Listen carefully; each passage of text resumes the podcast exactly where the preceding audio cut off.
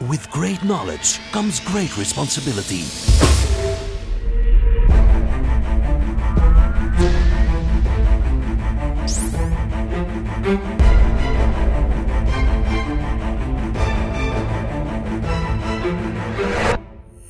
Fifty-two topics by Maarten Bové en Kevin Couvreur. Hey, hallo kijkers. Ja, we gaan direct zeggen wat het topic van vandaag is. Maar Kevin is eventjes aan de telefoon met iemand, hè, de rode telefoon, iemand die iets meer wilt weten over het topic. Ja. ja. Oké, komt in orde. Ja, ja, ja, ja. Het zal op beeld staan. Oké, jo, tot de volgende. Ik ben, ik ben heel nieuwsgierig. Wat wordt het topic van vandaag? Zero trust, Maarten. Ah, super. Super, hè? Super. Heel interessant topic. Het heeft Security lang geduurd. Het heeft lang geduurd, maar eh, een stukje security. Zero trust. Iedereen heeft er de mond van vol, denk ik. Ja. Maar wat is dat beestje eigenlijk, zero trust? Ja, het is, eh, het is een heel interessant topic. Eh, veel mensen denken misschien is het een soort technologie of zo. Maar het is eigenlijk een architectuurprincipe. Hè? Als ik het zo mag zeggen. Ja, dus het is geen out-of-the-box productje. Het is niet iets die we vandaag gaan installeren, die we Nee. kunnen aanvinken van ah, Nee. vandaag staat mijn zero trust aan. Nee, nee, Nee? Toch niet. Toch niet. Ja. Eh, er zijn wel veel tools beschikbaar hè, om het natuurlijk wat managebaar te Ja. maken. Eh, maar zo werkt het jammer genoeg niet. Ehm, misschien moeten we eens eerst ook vertellen... Ja, zero trust hè, betekent eigenlijk letterlijk geen vertrouwen. Nul vertrouwen. Jammer ook, hè? In deze tijden. Geen Ja, vertrouwen. eh, ja, ja, ja, ja. Gelukkig maar dat is een ander topic. Dat is voor een andere show, Kevin. Ja. Ja, maar misschien moeten we eens terugkijken naar hoe was het vroeger Ja. en waarom is het vandaag zo'n hot burning topic, Ja. Ja, ik denk, ja, vroeger, ja, klinkt allemaal zo lang, lang, lang geleden, maar in IT-jaren is dat natuurlijk pak 10, 15 jaar geleden. Ehm zaten we nog altijd met het principe dat, dat IT en security was redelijk beperkt tot de onderneming. Een, een IT-verantwoordelijk of een IT-departement had alles in handen. Hè. Eh, had de firewall onder controle, de internetverbinding, de applicaties, de server, tot zelfs de toestellen die de gebruikers hè, konden gebruiken om een job te doen en toegang te krijgen tot applicaties. Dus op zich zat alles binnen die onderneming, met de uitzondering van enkele die een laptop hadden. Hè, maar dat was dan nog heel zwaar beveiligd met VPN-verbindingen en noem het maar op, om ervoor te zorgen dat het is ons eiland. Hè. Het, het is, wij weten wat er gebeurt. Ons fort. Ons fort, ja, kasteel, ons fort. fort, ja, ja, zoiets. Ja. En natuurlijk, met, ja, we zien het zeker ook de laatste jaren, het zit niet meer alleen in dat kasteel, in dat fort natuurlijk. Nee. Ja, een mooi voorbeeld is hè, mensen die op de trein werken, eh, misschien op hun eigen device en toch op het netwerk inloggen Ja. via de router van hun telefoon. Ehm, Ja. ja. Het, jammere is dat de perceptie natuurlijk leeft. Hè. Alles mag, alles kan, eender welk toestel, eender waar, eender wanneer.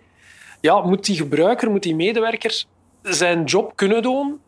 Dat is een beetje het principe. En dat geeft zijn uitdaging. Dus mag ik dan eigenlijk zeggen dat het ehm, zero trust principe er is gekomen omdat we eigenlijk ja, er niet meer vanuit kunnen gaan dat het sowieso buiten kan gehouden worden. Dus een beetje het assume breach. Ze kunnen toch binnengeraken. Ja, Is dat... eh, Ik denk natuurlijk dat we vanuit het meest extreme zijn vertrokken. Als we zeggen van ja, er is geen vertrouwen meer, dan moeten we ons ook zo gaan opstellen dat er geen vertrouwen is. Dus we gaan ja, iets verder moeten gaan en we gaan een omgekeerde klik maken. Vroeger gingen we ervan uit van het is allemaal te vertrouwen, we hebben het onder controle. En als je binnen bent, is dat maar oké.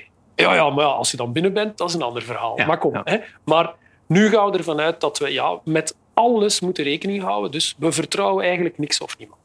Maar ja, wat wil dat dan juist zeggen, die zero trust? Hoe wordt dat een beetje in de praktijk omgezet? Ik denk dat dat ook wel een belangrijke is. hè. Ja.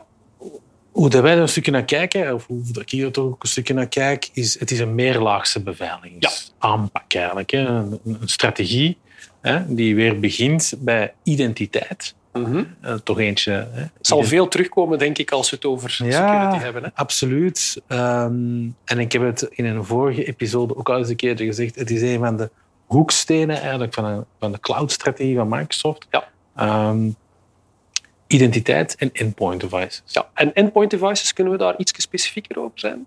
Ja. tuurlijk.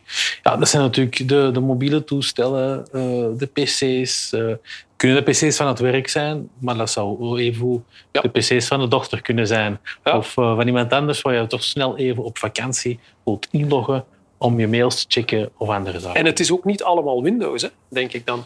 Nee, zeker niet. Zeker Ja. niet. Dus Zeker eh. Android, eh, Apple devices, van tablets, smartphones. Absoluut. De dag van vandaag moet het allemaal kunnen, hè? moet het allemaal met elkaar kunnen praten. Eh, zeker en vast. En ik gebruik beide platformen persoonlijk. Ja. Eh, en dan merk je ook wel dat het werkt. Hè? Want vaak, als ik bijvoorbeeld van een Windows-device overstap op een Apple-device, dan merk ik toch altijd dat ik eigenlijk toch mijn two-factor authentication moet gaan gebruiken om in te kunnen loggen op het eh, Ja. andere platform. De meerlaagse beveiliging, hè? nog eens moeten zeggen, bewijzen dat jij het bent die wil inloggen. Hè? Daar komt het eigenlijk een beetje op neer. klopt. Ja, dus we hebben de identiteiten, wie we zijn, hè, wat is je rol, wat is je functie hè, binnen een bedrijf.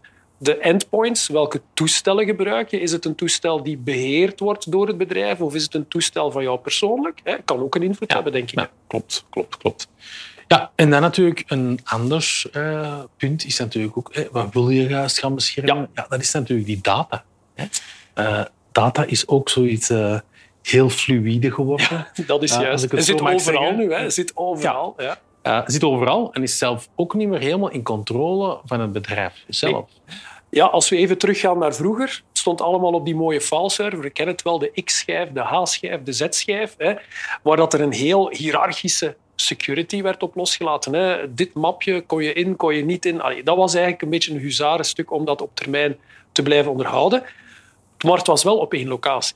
Hè. Ja. Maar nu, documenten staan op Teams, hè, staan op, eh, wat hebben we nog allemaal? SharePoint, SharePoint, Staan op de eh, fileserver. OneDrive, eh, hey, zijn databases. op. databases. Ja. Maar, en ook vaak, ja, je hebt natuurlijk bepaalde applicaties die hun data natuurlijk niet gaan stockeren lokaal, maar op hun eigen cloud, hè, ook buiten een Microsoft Cloud product. Ehm, dus data is het heel fluïde geworden. En omdat het zo fluïde is, ja, is het natuurlijk wel belangrijk dat je dat goed managt. Want je kan natuurlijk via verschillende manieren dat dan allemaal gaan delen op verschillende devices. En dan komen we naast die data komen bij applicaties. hè, Ja. Waarbij dat we applicaties gaan beginnen beheren of zeggen wat een applicatie mag of niet mag. Ja, vroeger, hè, weer het simpel model, je installeerde een applicatie op de server hè, die bij jou thuis in het Mhm. bedrijf stond. Eh, ja, dat is vandaag de dag minder en minder het geval. Eh, dus ook hier wederom, hè, ja, dan Extra moet je natuurlijk gaan beheren. Ja, Ja. absoluut. Ja. Ehm, dan ja, uw infrastructuur is een belangrijke. Ja, we hadden het over endpoints, maar infrastructuur is nog een andere laag. Hè. Ja, Eh, ja, ja. Ja, inf- infrastructuur is echt het onderliggende eigenlijk. Hè? Echt waar jouw serverinfrastructuur op draait. Het is echt die laag ehm, die eigenlijk meer aan de back-end staat Mhm. en niet aan de front. Hetgene wat we niet zien. Hetgene we niet zien, Ja, maar dat er wel is, uiteraard. Ondanks dat het cloud is, er staan nog altijd fysieke machines. absoluut, hè. Ja, absoluut. absoluut ja. Dus infrastructuur, ja, dat is, ik denk dan nog een laag, dat is het netwerk zelf. Ja, het netwerk zelf. ehm, ja, hier ook weer. Hè. Dit is eigenlijk een enorm belangrijke schakel. Mhm. Ehm, en er zijn natuurlijk verschillende manieren ook om dat te gaan, gaan beschermen. Eigenlijk. Mhm. Eh, ja. Ik denk bijvoorbeeld aan het, eh, het efficiënt inrichten van jouw cloud-infrastructuur, jouw netwerk. Dat als er toch iemand binnenkomt, hè, want ja, het is nog altijd het assume breach-principe, dat ze toch niet aan alles aan kunnen, of dat we het eigenlijk iemand die met slechte bedoelingen het zo moeilijk mogelijk maken om aan data te kunnen of een applicatie. En het monitoren, ook weer een woord die gaat terugkomen, denk ik, en security. Maar vooral ook, ja, hoe snel kunnen we gaan zien dat er iets fout gaat? Ja. Dat is ook een hele belangrijke, denk ik. Hè? Ja. Interventiesnelheid wordt cruciaal. Ja, absoluut. Ja. Ik ben persoonlijk, eh, ik denk wij beide, eh, heel hard fan van het Microsoft-ecosysteem. Het is een fijn ecosysteem. Hè. het biedt mogelijkheden. Ja. Het biedt Ja, mogelijkheden. en je merkt gewoon ehm, dat op het Zero Trust principe, de architectuur, Microsoft enorm veel tooling heeft eh, Zeker. ja, opgezet, uitgewerkt, hè, die het eigenlijk het monitoringgedeelte ook veel makkelijker maakt. Als ik het zo mag zeggen. Zeker. Zeker. Eh, en dat gaat zelfs over het Office, eh, Office Cloud, als over de Azure Cloud. Er zit een stukje AI in. Ehm, Het gaat heel ver hè, tegenwoordig. Natuurlijk, het punt is, ja, het is een gedeelde infrastructuur als we de Microsoft-ecosysteem gaan gebruiken. Hè. Uw eigen tenant, uw eigen omgeving op Microsoft zijn infrastructuur moet je ook gaan beveiligen. Hè. Iedereen heeft zo'n beetje zijn eigen accenten en, en verwachtingen. Uh, maar als we vasthouden aan die basisprincipe identiteit endpoints, als we weten wie het is en op welke toestellen ze het gaan doen, ja. en dan uiteindelijk ook gaan kijken van ja, welke data, welke applicaties, welke infrastructuur en het netwerk, denk ik dat we al een hele gezonde basis hebben om te kunnen zeggen we zijn al op een veilige manier aan het werken. Ja, op een veilige manier, maar we kunnen natuurlijk nog altijd een stapje verder uh, zetten. Hè. Uh, ik denk dat er een aantal zaken ook heel belangrijk zijn om aan te denken. Uh, je kan heel veel automatiseren vandaag de dag, ja. standaardiseren in policies, in governance. Um, en dat is wel belangrijk. Hè. Daar moet ja. over nagedacht worden. En een, een, heel makkelijk voorbeeld dat ik ook wil benoemen, hè, dat bijvoorbeeld in een policy kan zitten, is dat je vanaf dat je eigenlijk bijvoorbeeld in Turkije inlogt of in Rusland, ja. uh, dat dat bijvoorbeeld niet mogelijk is, of dat er bepaalde voilà. alerts komen. Uh, en ik denk dat dat eigenlijk ook een heel belangrijk topic is ja. uh, in een zero trust strategie. Ja, uiteindelijk, het woord strategie valt hier wel redelijk veel. Dus het is ook wel belangrijk dat je er een open gesprek over voert. Ja. Hè. Durf veel dingen in vraag stellen. Hoe werk je vandaag? Hè? Waar staan we vandaag?